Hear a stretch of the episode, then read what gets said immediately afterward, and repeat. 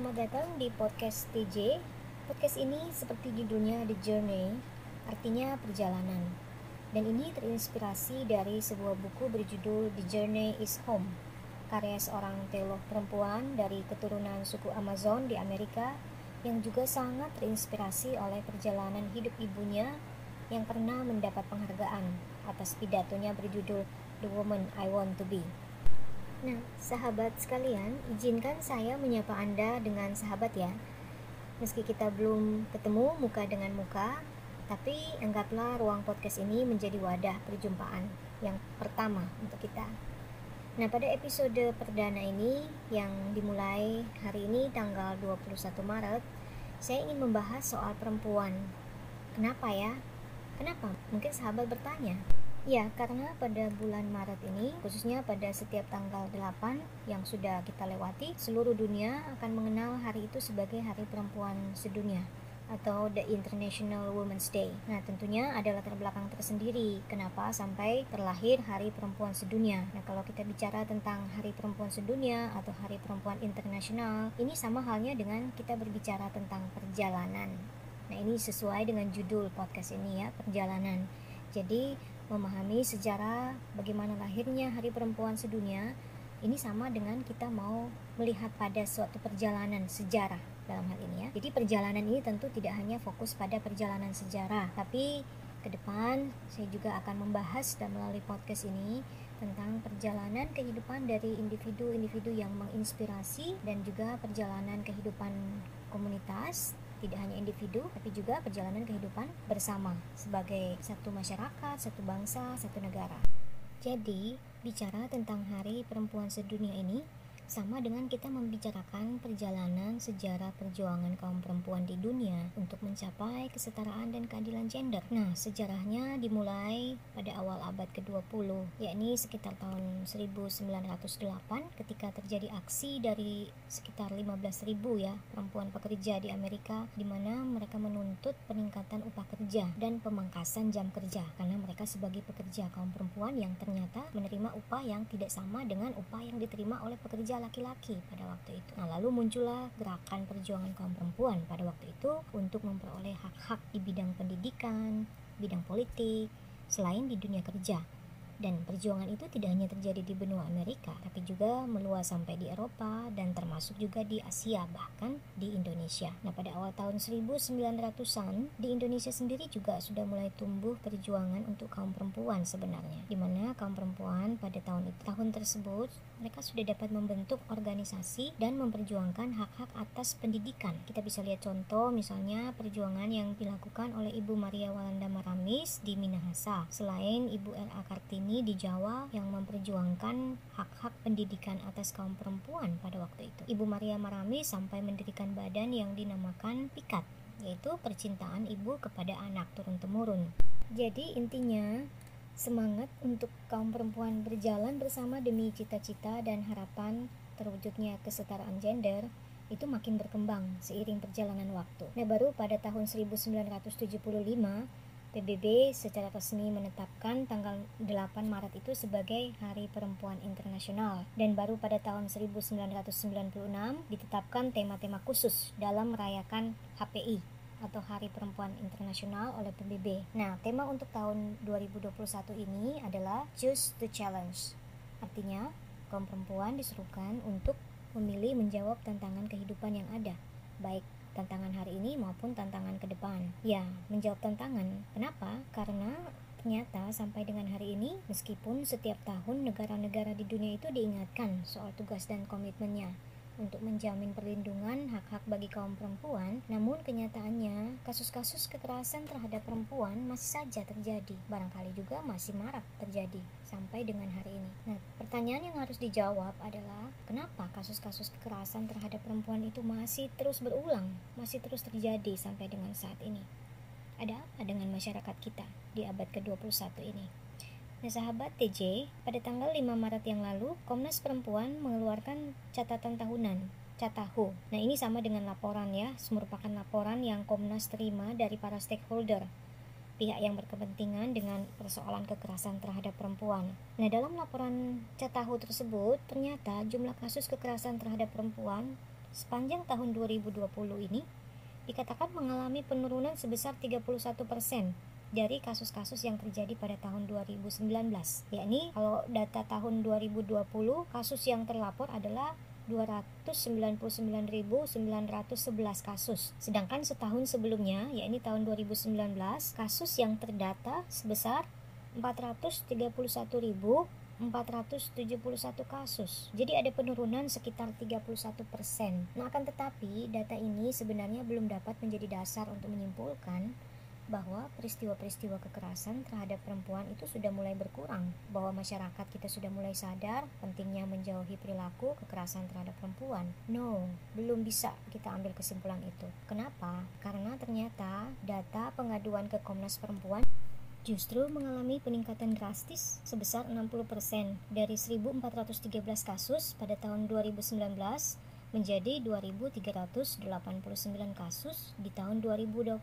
Nah, kembali lagi, rupanya kita belum bisa bernapas lega. Masih banyak PR-PR yang harus kita kerjakan di bidang kesetaraan dan keadilan gender ini. Jadi bulan Maret ini, kalau kita meminjam istilah Barack Obama, yang dulu Presiden Amerika pada tahun 2011, dia pernah bilang, bahwa bulan Maret ini patut dikenang sebagai bulan sejarah perempuan. Nah, setujukah saudara-saudara? Setujukah kita semua? Apa artinya bagi kita kalau kita setuju bahwa bulan Maret ini menjadi bulan sejarah perempuan. Nah, semoga ini tidak menjadi pernyataan yang klise tanpa makna ya untuk kita. Bagaimanapun kehidupan di dunia ini terlahir dari rahim ibu, rahim seorang perempuan. Pemberontakan dan kekerasan terhadap perempuan sama artinya kita melukai dan merusak kehidupan. Nah, apakah sahabat TJ bersedia menjadi advocate, pembela bagi nilai dan prinsip kehidupan yang menghidupkan semua ciptaan yang ada di dunia ini. Tidak hanya menghidupkan kaum laki-laki, tapi juga kaum perempuan dan alam semesta. Ayo, let's get growing!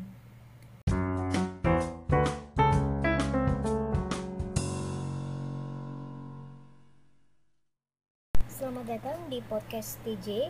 Podcast ini seperti judulnya The Journey, artinya perjalanan. Dan ini terinspirasi dari sebuah buku berjudul The Journey is Home karya seorang teolog perempuan dari keturunan suku Amazon di Amerika yang juga sangat terinspirasi oleh perjalanan hidup ibunya yang pernah mendapat penghargaan atas pidatonya berjudul The Woman I Want to Be. Nah, sahabat sekalian, izinkan saya menyapa Anda dengan sahabat ya. Meski kita belum ketemu muka dengan muka, tapi anggaplah ruang podcast ini menjadi wadah perjumpaan yang pertama untuk kita. Nah, pada episode perdana ini yang dimulai hari ini tanggal 21 Maret, saya ingin membahas soal perempuan. Kenapa ya? Kenapa? Mungkin sahabat bertanya. Ya, karena pada bulan Maret ini, khususnya pada setiap tanggal 8 yang sudah kita lewati, seluruh dunia akan mengenal hari itu sebagai Hari Perempuan Sedunia atau The International Women's Day. Nah, tentunya ada latar belakang tersendiri kenapa sampai terlahir Hari Perempuan Sedunia. Nah, kalau kita bicara tentang Hari Perempuan Sedunia atau Hari Perempuan Internasional, ini sama halnya dengan kita berbicara tentang perjalanan. Nah, ini sesuai dengan judul podcast ini ya, perjalanan. Jadi, memahami sejarah bagaimana lahirnya Hari Perempuan Sedunia ini sama dengan kita mau melihat pada suatu perjalanan sejarah dalam hal ini ya. Jadi perjalanan ini tentu tidak hanya fokus pada perjalanan sejarah, tapi ke depan saya juga akan membahas dan melalui podcast ini tentang perjalanan kehidupan dari individu-individu yang menginspirasi dan juga perjalanan kehidupan komunitas tidak hanya individu tapi juga perjalanan kehidupan bersama sebagai satu masyarakat, satu bangsa, satu negara. Jadi, bicara tentang Hari Perempuan Sedunia ini sama dengan kita membicarakan perjalanan sejarah perjuangan kaum perempuan di dunia untuk mencapai kesetaraan dan keadilan gender. Nah, sejarahnya dimulai pada awal abad ke-20, yakni sekitar tahun 1908 ketika terjadi aksi dari sekitar 15.000 ya perempuan pekerja di Amerika di mana mereka menuntut peningkatan upah kerja dan pemangkasan jam kerja karena mereka sebagai pekerja kaum perempuan yang ternyata menerima upah yang tidak sama dengan upah yang diterima oleh pekerja laki-laki pada waktu itu. Nah, lalu muncullah gerakan perjuangan kaum perempuan pada waktu itu untuk memperoleh hak-hak di bidang pendidikan, bidang politik, selain di dunia kerja. Dan perjuangan itu tidak hanya terjadi di benua Amerika, tapi juga meluas sampai di Eropa dan termasuk juga di Asia, bahkan di Indonesia. Nah, pada awal tahun 1900-an, di Indonesia sendiri juga sudah mulai tumbuh perjuangan untuk kaum perempuan sebenarnya. Di mana kaum perempuan pada tahun itu, tahun tersebut, mereka sudah dapat membentuk organisasi dan memperjuangkan hak-hak atas pendidikan. Kita bisa lihat contoh misalnya perjuangan yang dilakukan oleh Ibu Maria Walanda Maramis di Minahasa. Selain Ibu L.A. Kartini ini di Jawa yang memperjuangkan hak-hak pendidikan atas kaum perempuan pada waktu itu. Ibu Maria Marami sampai mendirikan badan yang dinamakan PIKAT, yaitu percintaan ibu kepada anak turun-temurun. Jadi intinya semangat untuk kaum perempuan berjalan bersama demi cita-cita dan harapan terwujudnya kesetaraan gender itu makin berkembang seiring perjalanan waktu. Nah, baru pada tahun 1975 PBB secara resmi menetapkan tanggal 8 Maret itu sebagai Hari Perempuan Internasional dan baru pada tahun 1996 ditetapkan tema-tema khusus dalam merayakan HPI atau Hari Perempuan Internasional oleh PBB. Nah, tema untuk tahun 2021 ini adalah Choose the Challenge. Artinya, kaum perempuan disuruhkan untuk memilih menjawab tantangan kehidupan yang ada, baik tantangan hari ini maupun tantangan ke depan. Ya, menjawab tantangan. Kenapa? Karena ternyata sampai dengan hari ini, meskipun setiap tahun negara-negara di dunia itu diingatkan soal tugas dan komitmennya, untuk menjamin perlindungan hak-hak bagi kaum perempuan, namun kenyataannya kasus-kasus kekerasan terhadap perempuan masih saja terjadi. Barangkali juga masih marak terjadi sampai dengan hari ini. Nah, pertanyaan yang harus dijawab adalah kenapa kasus-kasus kekerasan terhadap perempuan itu masih terus berulang, masih terus terjadi sampai dengan saat ini? Ada apa dengan masyarakat kita di abad ke-21 ini?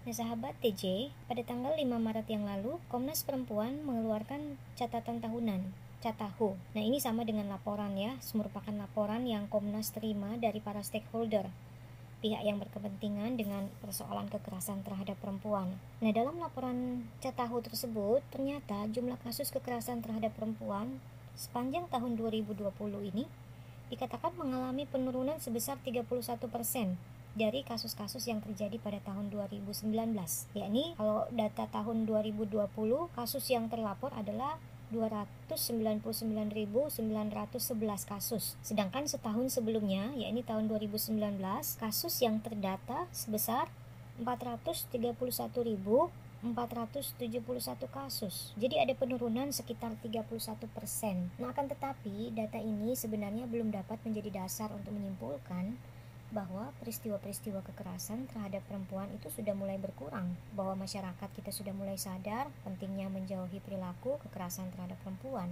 No, belum bisa kita ambil kesimpulan itu. Kenapa? Karena ternyata data pengaduan ke Komnas Perempuan justru mengalami peningkatan drastis sebesar 60% dari 1413 kasus pada tahun 2019 menjadi 2.389 kasus di tahun 2020.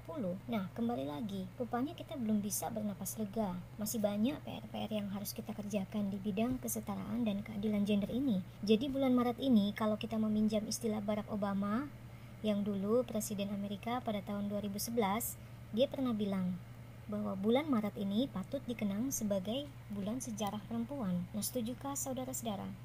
Setujukah kita semua? Apa artinya bagi kita kalau kita setuju bahwa bulan Maret ini menjadi bulan sejarah perempuan. Nah, semoga ini tidak menjadi pernyataan yang klise tanpa makna ya untuk kita. Bagaimanapun kehidupan di dunia ini terlahir dari rahim ibu, rahim seorang perempuan. Pemberontakan dan kekerasan terhadap perempuan sama artinya kita melukai dan merusak kehidupan. Nah, apakah sahabat TJ bersedia menjadi advocate, pembela bagi nilai dan prinsip kehidupan yang menghidupkan semua ciptaan yang ada di dunia ini. Tidak hanya menghidupkan kaum laki-laki, tapi juga kaum perempuan dan alam semesta. Ayo, let's get growing!